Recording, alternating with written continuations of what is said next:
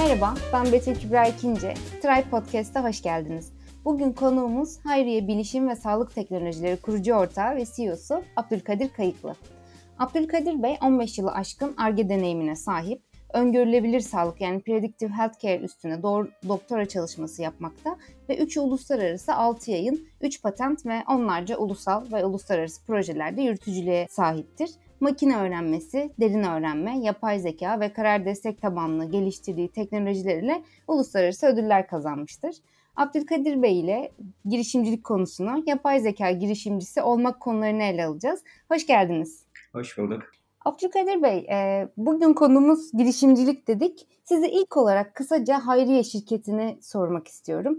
E, bize anlatabilir misiniz? Neler yapıyorsunuz, neleri hedefliyorsunuz? Tabii ki, çok teşekkür ederim. E, tıbbi cihaz ve sağlık hizmetlerini yeniden şekillendiren inovatif teknolojiler geliştiriyoruz Hayriye'de. Dünya genelinde en çok görülen ve her yıl 20 milyondan fazla insanı kaybetmemize neden olan kronik hastalıkların erken teşhisi, tedavisi ve izlenebilirliği için dijital araçlar, teknolojiler ve hizmetler sunuyoruz. Amacımız dünya genelinde daha fazla insanın daha düşük maliyetle daha iyi bir sağlık bakımı almalarına yardımcı olmak. Giyilebilir ve mobil teknolojileri kullanarak insanların günlük yaşam aktiviteleri esnasında sağlık verilerini topluyoruz. Akıllı algoritmalarla kişiselleştirilmiş sonuçlar üretiyoruz. Uzaktan izlenebilirlik, çok boyutlu analizler ve karar destek sistemleri ile doktorlara sunuyoruz ve onların işlerini kolaylaştırıyoruz. Böylece insanlar daha konforlu ve daha iyi bir sağlık hizmeti alıyor. Doktorlarımız hastalarını daha iyi tanıyabiliyor ve üretilen sonuçlarla daha kolay kararlar alabiliyorlar klinik, klinik maliyetleri düşürerek kişilerin ve kurumların da ekonomilerine fayda sağlıyoruz. Genel olarak Hayriye'nin e, yaptığı çalışmalar bu, bu şekilde, bu çerçevede. Ee, siz Hayriye'yi tekno girişim sermayesiyle kurmuştunuz bildiğim kadarıyla. Bu süreci anlatabilir misiniz? Ee, sonrasında hangi aşamalardan geçti şirket? Bugün hangi aşamada? Biraz daha böyle hani e, başlangıç ve gelişim süreci nasıl oldu? Ee, dediğiniz gibi Hayriye'yi Harya'nın serüveni 2012 yılında Sanayi Bakanlığı Tekno Girişim Sermayesi desteğiyle başladı. E, ardından COSGAP ve TÜBİTAK proje teşvikleri, hibe teşvikleriyle e, geldi ve e, ekibimiz ve altyapımızı güçlendirdik Harya'da. Dünyanın en büyük silikon firmalarla tasarım ortaklıkları yaptık ve buralar, buralara ARGE teknolojisi ihracatına başladık. 2015 yılında Türkiye İhracatçılar Meclisi verilerine göre ilk 500 hizmet ihracatçısı konumuna geldik. Yani ARGE çalışmaları yaparak ARGE sonuçlarını ihraç ettik. 3 yıl süren kendi özgün ARGE çalışmalarımızla yenilikçi teknoloji ürettik. Bu ürettiğimiz teknolojiler de yine aynı şekilde benzer şekilde ihraç etmeye başladık. Ürün üreterek, ürün satarak ihraç etmeye başladık. Başta Orta Doğu olmak üzere Avrupa e, ve dünyanın birçok yerinde ürünlerimiz kullanılmaya tercih edilmeye başlandı. Yine Türkiye İhracatçılar Meclisi verilerine göre Türkiye'nin ilk 100 yüksek teknoloji ihracatçısı arasında olduk. E, böyle başarılar da yaşadık Hayriya'da. Ayrıca girişimcilik, inovasyon, tasarım alanlarında ulusal, uluslararası birçok ödüller aldık. Katıldığımız fuarlarda çok güzel dönüşler aldık. Girişim Tekno girişim sermayesiyle kurulmuştu. Bir startup şirketi olarak biz de e, kurulduk, büyüdük, pazara eriştik. E, daha sonrasında yatırım aldık. Önce Zorlu Holding Vestel Ventures ile yatırım ortaklığı yaptık. Daha sonra alınan kararla stratejik gördüğümüz için 2019 yılı itibariyle de hisselerin tamamını Zorlu Holding satın almış oldu. Ve böylece artık Hayriye Vestel Şirketler Topluluğu'nun bir üyesi oldu. Ben de startup girişimi kurumsala dönüştürme yolculuğuna başladım. Ee, şu anda işlerin başında olarak yine profesyonel hayata devam ediyorum. Ee, bildiğim kadarıyla Hayriye sizin ilk girişiminizde değil. Yani e, bu süreç 2012'de başlayan yolculuk sonrasında gelişti. E, şu anda kurumsal bir aşamaya geldi. Ama e, sizin daha önceden de başka girişimcilik tecrübeleriniz oldu. Ne gibi hikayeleriniz oldu? Hiç başarısız oldunuz mu girişimcilik serüveninizde? E, tabii ki girişimcilikte başarılar da var, başarısızlıklar da e, var. Hayriyada da var. Öncekilerde de e, tabii ki yaşadığım durumlar var. E, ben meslek sesinde e, okuyurken e, aslında lise çağlarında girişimciliğe başladım. Daha bilgisayarım yoktu. E, kurslara gidip bilgisayar öğrenmiştim ve bilgisayar o, da, o zamanın böyle moda tabiriyle formatlama işlemleri e, yapıyordum. Ya bir nevi esnaflık yapıyordum aslında bir, e, bir şirket olarak değil bir şahıs şirketi olarak bir esnaflık e, da girişimim vardı. E, işte insanlara hizmet veriyorduk. Bir taraftan elektrik, bir taraftan bilgisayar işleri yaptım. Bu bunlar aslında böyle çok daha büyük düşünmemiştim. Ee, biraz daha vizyonum o kadar gelişmemişti. Daha çok okul açlığını kazanmak, işte birazcık böyle e, bütçeye katkı sunmak şeklinde e, ilk aşamalarda öyle düşünüyorduk. Üniversitede mezun olana kadar bu girişimlerin faydasını gördüm. E, daha sonra tabii Hayriye'de e, başarılar anlattık ama başarısızlıklar da çok e, fazla var. Yani buzdağının görünen alt taraftaki kısmı, görünmeyen alt taraftaki kısmı çok daha fazla. E, iki kez şirketi batık noktasından e, çevirmek durumunda kaldım.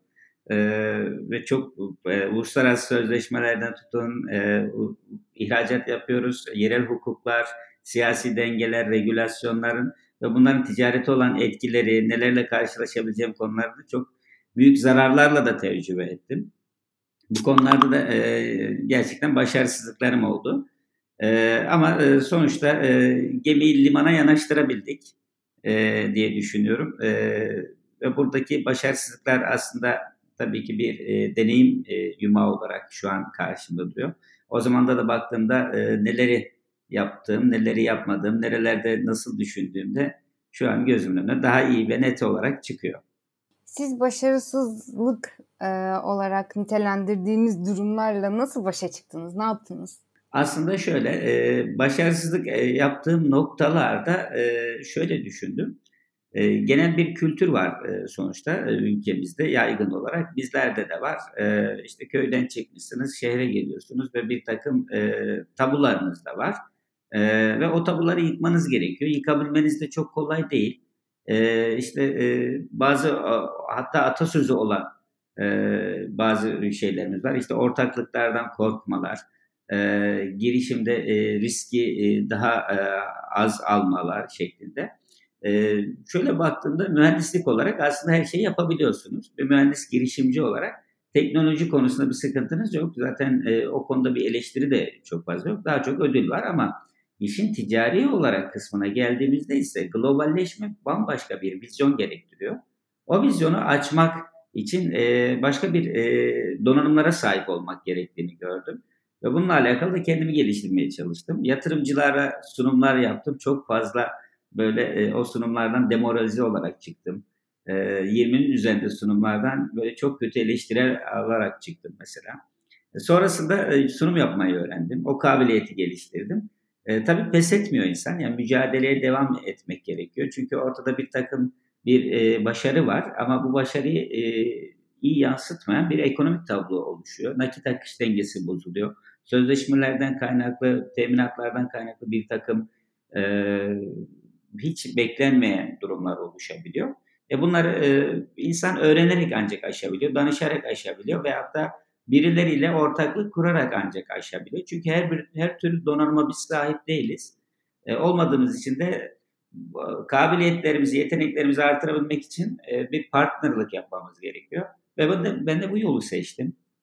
Yatırımcılık, e, yani yatırımcıya giderek, yatırımcının stratejik seçerek, yatırımcımı stratejik seçerek benim eksik olduğum noktalarda onun tamamlaması yönüne e, gittim ve bu konuda da e, başarılı olduk diye de düşünüyorum.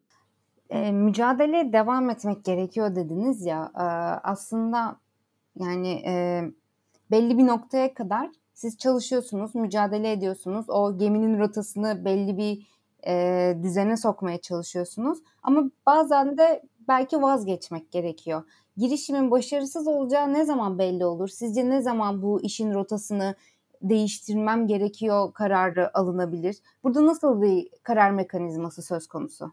Ee, bu en can alıcı ve en çok önemli bir nokta aslında. Ee, biraz duygusal da bakabiliyoruz biz girişimciler olaya. Yani e, sanki bu girişim bizim bir parçamızmış gibi duruyor. E, öyle olunca da e, kopmak istemiyor insanlar. Halbuki aslında girişim de bir e, üründür e, neticede. Bu bakış açısını birazcık değiştirmek gerekiyor. En başta bu duygusallık e, tarafını nerede bitireceğimizi çok iyi keşfetmemiz gerekiyor. Yani girişimci bunu çok iyi algılayabilmeli. Yani o girişimle kendisi arasındaki bağı belirli bir seviyede tutması gerekiyor. Ben ilk başlarda bunu tutamadığım için e, ilk e, şeyimde öyle olmuştu. Yani buradaki profesyonelliği yakalayamamıştım. E, girişim başarısız olacağı ne zaman belli olur?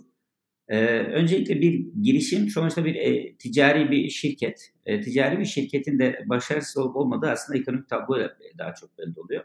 E, burada e, girişim açısından iki tane e, durum söz konusu. Bir teknoloji olarak e, başarısızlık olabilir. Yani ürün veyahut da prototip ya da e, fikir e, başarısızdır. E, ya da nakit akışı dengesizdir. Eğer ikisinden birisinde bir e, ürünün e, validasyonu yapılamıyorsa burada e, çok da mücadele etmenin e, devam etmeyi çok fazla gerektirmiyor. Bir de nakit akışı eğer dengesi bozuluyorsa e, gelirler, giderler başa baş noktaları sapmış, e, satış hedefleri ve ödemelerin geri alınması, dengeler bozulmuş ise tabii startup'ın kimyası da bozuluyor bu sefer. Ve e, farklı yönelimler de başlıyor. Başka işler yapmaya, yapmaması gereken işler de yapmaya başlıyor. Bu durumda tabii e, artık kabul etmek gerekiyor. Yani kar ve zarar noktasını iyi hesap etmek gerekiyor ve duygusal yaklaşmamak gerektiğini düşünüyorum. Bu bizim e, Türkiye'de belki çok daha fazla yaygın e, duygusal taraftan bakıyoruz. Yani bir onu bir evlatmış gibi düşünüyoruz. Yani ailenin bir parçası gibi düşünüyoruz o zaman. Aslında bir e, meta sonuçta bir e, cep telefonundan bir farksız aslında. Ama o, bu şeyi e, iyi göremiyoruz. Başarısız olmayı sordum. Bir de başarılı olma kısmını sorayım. Ee, bir iş fikrinin hayata geçmesi için en önemli parça nedir? Neye ihtiyaç duyulur? Ya da e, başka bir deyişle bir girişimci adayı kendi şirketini nasıl kurabilir? Siz mesela tekno girişim sermayesi üstünden destek almışsınız. Sonrasında yatırımcılara gitmişsiniz e, girişimciler sermayeyi nasıl bulabilir, ekibini nasıl kurabilir? Bir sürü farklı da tarafı var yani hem ekip tarafı var hem e, sermaye tarafı var. Bir sürü farklı tarafı var. Nasıl başlanır, nasıl devam edilir? Kısaca böyle sorabilirim. Evet. Evet buralarda aslında şu an ekosistem çok fazla ekosistemde çok fazla çeşitlilikler var. Eğitimler de var. Ve ekosistemde gerçekten çok güçlü oyuncular da var. Katılımcılar da çok fazla. Dolayısıyla girişimcilik ekosistemi olarak baktığımızda Türkiye çok iyi bir konuma gelmiş durumda. Buradaki girişimciler için başlangıç noktası tabii ki bir girişimci bir fikri var ki ortaya çıkıyor. Ben teknoloji girişimciliğinden hani bahsedecek olursak bir bir kişinin aklına bir inovasyon bir fikir geliyor. Tabii ki bu fikir e, e, icra edebilmek, yapabilmek için bir ekip gerekiyor. Öncelikle ekip çok e, kritik ve en kilit parça. E, ben böyle görüyorum. Yani o ekibin, e, yani ekip dediğimiz aslında 3-4 kişinin bir araya gelmesinden ziyade aynı hedefler için inanmış, mücadele eden, heyecanlı, uzun süre dirayet gösterebilecek, azimli, kabiliyetli bir ekip. Yani böyle bir ekipten bahsediyoruz. Bu ekip kurmak e, ve yatırım almak e, en kilit bir parça. Daha sonrasında e, fikir varsa e, tabii ki çeşitlilik fazla olduğu için e, erken aşama girişimler var. Er, erken aşama yatırımcılar var Türkiye'de. Dünyada da bu şekilde. E, fikir aşamasında iken henüz girişime e, ortak olabiliyorlar, yatırımcı olabiliyorlar, melek yatırımcılar, erken aşama, erken aşama kurumsal yatırımcılar. Bu konuda çok çok çeşitlilik var. Oralardan e, destek alabilirler. Öncesinde tabii e, yatırımcıya gitmeden önce bir girişimcilikle alakalı seminerler, webinarlar, e, kitaplar var. Başarılar var, başarısızlıklar var, e, deneyimlenmiş e, kötü hikayeler var, iyi hikayeler var.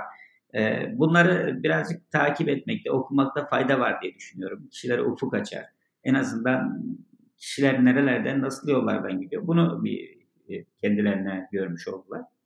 Bir tartabilirler. Daha sonra işte tohum yatırımlar, e, erken aşama yatırımlar, kurumsal yatırımcılar. E, bunlar da tabii e, seviye seviye gidiyor aslında. Yani fikir e, aşamasından tutun da e, fikir e, bir ürüne, bir prototipe dönüşüyor. Prototipin e, dönüştükten sonraki üretim veya da hizmet sunumu faaliyetlerinde bir yatırımcıya ihtiyaç duyuluyor. Artık markete girilmiş, büyümek gerekiyor. Büyümek için bir yatırımcıya ihtiyaç duyulabiliyor. E, büyüdükten sonra globale açılmak e, ve kurumsallaşmak açısından da yatırımcılara veya da çıkışa e, ihtiyaç var. E, girişimciler aslında başlarken yani ne noktada bitireceklerini ve nasıl bir strateji izleyeceklerini kendilerine belirlerlerse çok daha iyi olur. Ee, benim genellikle yaşadığım o deneyimler bunu gösteriyor. Ee, stratejiyi, vizyonu iyi belirleyemediğimiz zaman e, böyle engebeli yollardan geçiyor gibi oluyoruz. Biz zaten kendimiz tecrübe ediyoruz. Halbuki aslında tecrübe edilmiş e, durumlar söz konusu. Onlardan e, bir nevi yararlanarak e, daha iyi bir e, yol e, izleyebiliriz diye düşünüyorum. E, burada tabii yatırımcıları seçmek de stratejik bir karar. E, sadece yatırım almak yani bir sermaye girişi için yatırımcı almak yerine e, kendisine kabiliyeti olmadığı bir alanda stratejik güç katacak bir yatırımcıyla işbirliği e, o startup'ı daha da büyütüyor. Daha önünü açıyor, daha vizyoner yapıyor ve daha ileri gitmesini, sıçrama yapmasını sağlıyor. Biraz da yapay zeka ile ilgili sormak istiyorum. Hayriye e, içerisinde yapay zeka teknolojilerini de barındıran bir şirket. Türkiye'de yapay zeka girişimi kurmak, yapay zeka girişimcisi olmak nasıl bir tecrübe oldu sizin için? Yapay zeka ne zaman hayatınıza girdi ya da gündeminize girdi? Ee, ya bir de şunu da ekleyeyim soruya. Yapay zeka girişimcisi olmak farklı bir alanda girişimci olmaktan farklı bir tecrübe mi?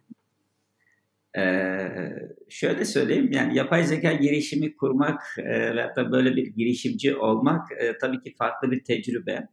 E, bir keyif aslında bir taraftan da tabii e, zorlukları da beraberinde getiriyor. E, bir dönüşüm yapıyorsunuz aslında. Yani yapay zeka girişimciler aslında bir dönüşüm yapıyorlar. E, mevcut olan, var olan bilgileri e, farklı anlamlarını e, göstererek farklı metotlarla farklı e, sonuçlara ulaşılabileceğini gö- e, ortaya koyuyorlar. E, bu yönden baktığımızda bir dönüşümün e, girişimcileri aslında bir dönüşüm girişimcisi yapay zeka girişimcileri.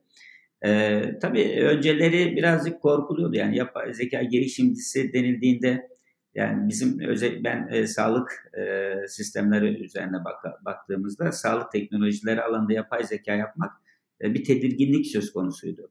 Yani profe, sağlık profesyonelleri açısından bu bir e, işte e, bir kavgalı bir gör, görüntü vardı.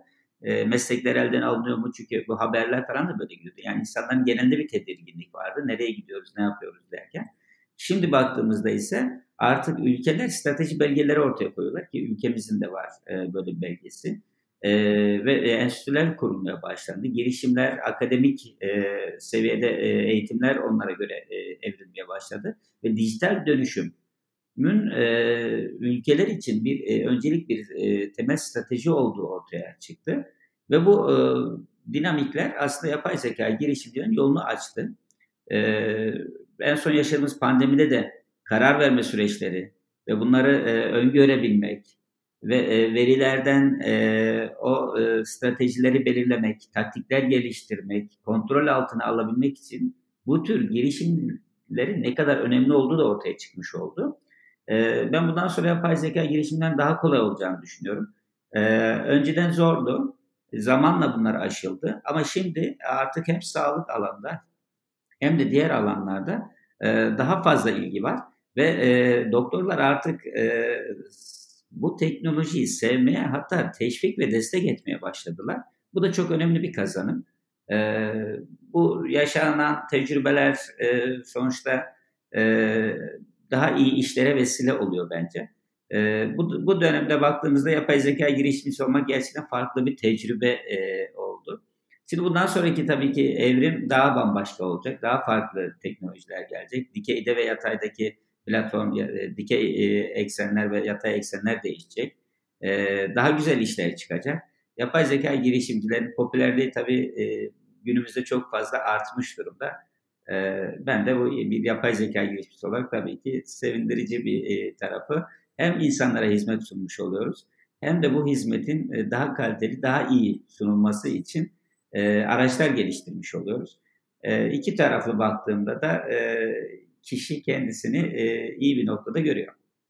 Dönüşüm girişimcisi daha önceden e, çok karşılaşmadığım bir kavram oldu. O yüzden ilginç bir yorum bence. Ee, bir de bunun öbür tarafı var. Aslında yeni fırsatlar doğduğu gibi yeni zorluklar da ortaya çıkıyor. Örneğin ekonomik krizler ya da şu anda içinde bulunduğumuz pandemi dönemi gibi süreçler birçok küçük ölçekli şirketin de operasyonlarını durdurmasına sebep oluyor.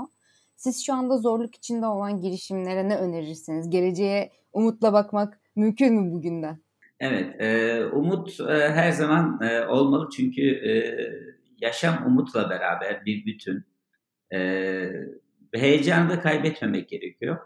E, bu tür süreçler aslında kriz süreçleri e, her zaman beraberinde fırsatları da getiriyor ve ben e, şu an küçük şirketler için e, çok iyi fırsatlar olduğunu düşünüyorum. Çünkü büyük şirketlerin e, karar alma süreçlerinden uygulamaya geçene kadar ki olan o e, hantal yapılarında e, daha kolay sıyrılabilen küçük şirketler e, daha yeni bir ürün, daha e, inovasyonla e, dönük bir e, ihtiyacı karşılayarak daha farklı bir hizmet sunabiliyorlar. E, ve bu e, sayede de e, gerçekten ben önemlerinin artacağını düşünüyorum. E, hem ülkemizde hem dünyada bu şekilde olduğunu düşünüyorum ve buna yönelik işaretler de var aslında. Yani e, gerçekten e, adımlar da atılıyor. Örneğin TÜBİTAK'ın son e, yayınladığı e, teşvik mekanizmaları, destek mekanizmaları bunu güçlendirir vaziyette. Yani küçük şirketlerden, spin-off'lardan, startup'lardan, COBİ'lerden hizmet alan büyük şirketlerin desteklenmesi ve o projelerin yani o COBİ'lerin e, ekonomik hayata katılması son derece önemli. Aslında gerçekten dünyada e, teknolojiyi geliştiren COBİ'ler e, büyük şirketlere hep hizmet veriyor sonuçta. E, ve bunların da kurumsallaşması gerekiyor.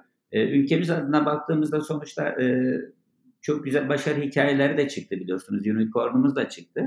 E, dolayısıyla bu başarılar ben artacağını düşünüyorum. Yani buradaki e, çok iyi analiz etmek gerekiyor aslında. Belki de iş yapış şeklimizi değiştirmek gerekiyor. Yani startuplar açısından bulunduğumuz e, süreci e, iyi bir analiz edip trendin nereye gittiğini iyi görmek gerekiyor. Ve bu e, esnada da şu an e, hantallıktan dolayı e, karar alma süreçlerinin yavaşlamasından dolayı ilerleme yapamayan ve hatta kilitlenmiş büyük firmaları aslında gözlerini kestirmeleri gerekiyor. Yani onların o süreçlerinde e, rol üstlenebilirler e, ve bazen onlar rakiplerse eğer geçebilirler diye düşünüyorum. E, fırsatlar da var. E, tabii ki tehditler de var. E, kolay değil. Bir startup'ın yaşaması, bir COBİ'nin e, hayata tutunması, e, hiç de kolay değil. Çünkü ekonomik bir kriz var ve ödeme dengeleri çok e, sarsılmış durumda. E, ve çoğu müşteri e, kaybı da yaşanabiliyor. Ama ben e, bu süreçten birazcık daha dijital dönüşümünü tamamlayan startupların, COBİ'lerin daha iyi çıkacağını düşünüyorum. Dijital dönüşüm çok e, pandemi döneminde de gündemimize giren kelimelerden, kelime öbeklerinden bir tanesi. Abdülkadir Bey çok teşekkür ederim. Ee, sizin başka eklemek istediğiniz bir şey var mı bu konuştuğumuz girişimcilik, yapay zeka girişimciliği konularına? Ben de çok teşekkür ederim. Ee, çok keyifli bir sohbetti. Betül Hanım çok sağ olun, çok teşekkürler. Değerli konuğumuz Abdülkadir Kayıklı'ya çok teşekkür ederiz. Bir sonraki Try Podcast'te görüşmek üzere. Hoşçakalın.